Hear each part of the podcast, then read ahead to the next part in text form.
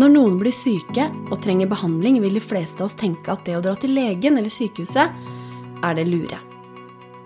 Vi har medisiner mot det aller meste, og vi stoler på legene og helsepersonellet. Men det finnes også en del behandlingsformer som er alternativer til tradisjonell medisin.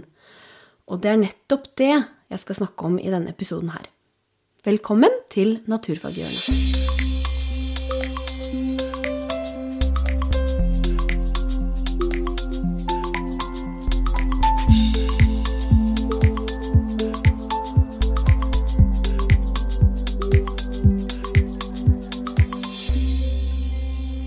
Utover 1800-tallet ble det gjort veldig mye forskning på sykdom.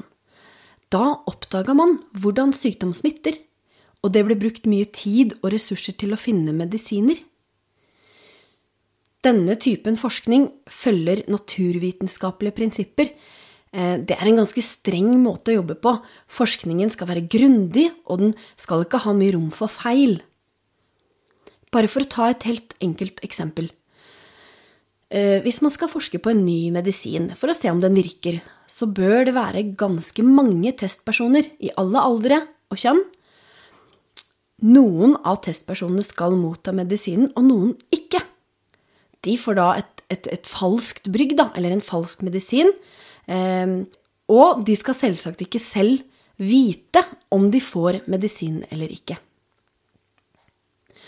Og de aller beste forsøkene er sånn at forskerne som deler ut medisin, heller ikke veit hvem som får den ekte medisinen. På den måten så er det lite påvirkning fra mennesker i, i testsituasjonen, da. Eh, og da får man de mest pålitelige svaret. Mye av medisinene som har blitt forska fram siden den gang, har blitt testa på denne måten. Eh, ved å grundig eh, teste på denne måten her, så finner forskere ut av hva som faktisk fungerer.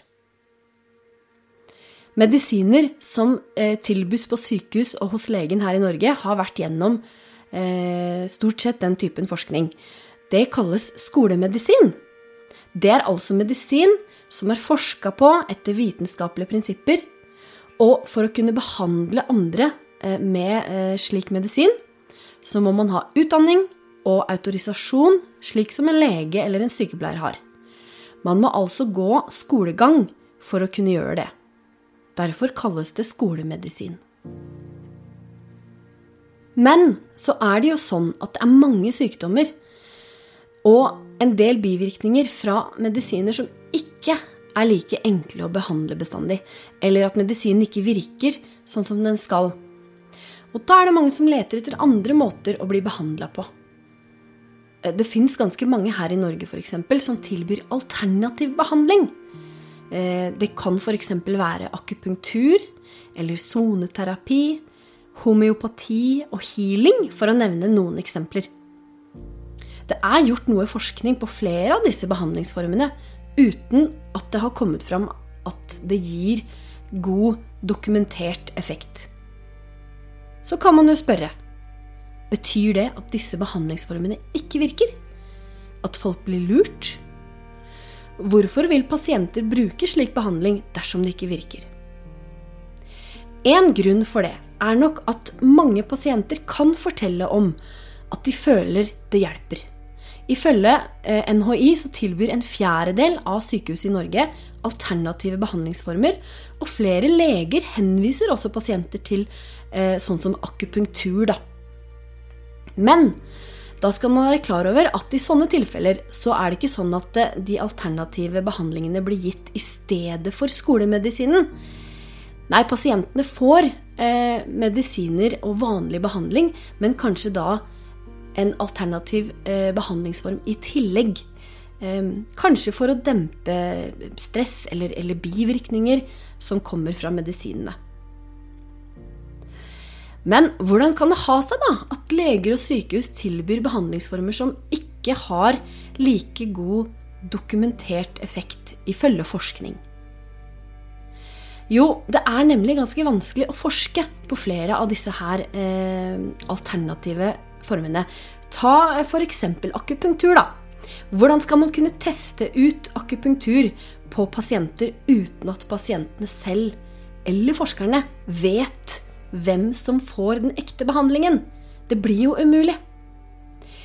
Um, derfor så vil denne typen behandlingsformer aldri kunne forskes på etter disse her strenge vitenskapelige prinsippene. Uh, man skal også være klar over det at hvem som helst kan tilby alternativ behandling i Norge. Du trenger ingen utdannelse, lisens, autorisasjon for å gjøre det. Eh, derfor så kan det fort bli noen fallgruver her. Men heldigvis, i 2004 så kom en egen lov som heter Lov om alternativ behandling av sykdom. Og den loven skal beskytte pasientene, og der, der krever, eh, eh, krever loven at behandlerne skal registreres i et eget register, og den krever taushetsplikt og forbyr eh, å gi behandling som kan skade helsa. Da. Eh, men uansett så er i hvert fall min anbefaling å være veldig forsiktig i møte med alternativ behandling. Undersøke nøye hva tilbudet inneholder, og, og eh, bruke det aller helst i samarbeid med en lege eller helsepersonell. da. Så det var litt om eh, hva skolemedisin er, og hva alternativ behandling er. Til neste gang, vær nysgjerrig.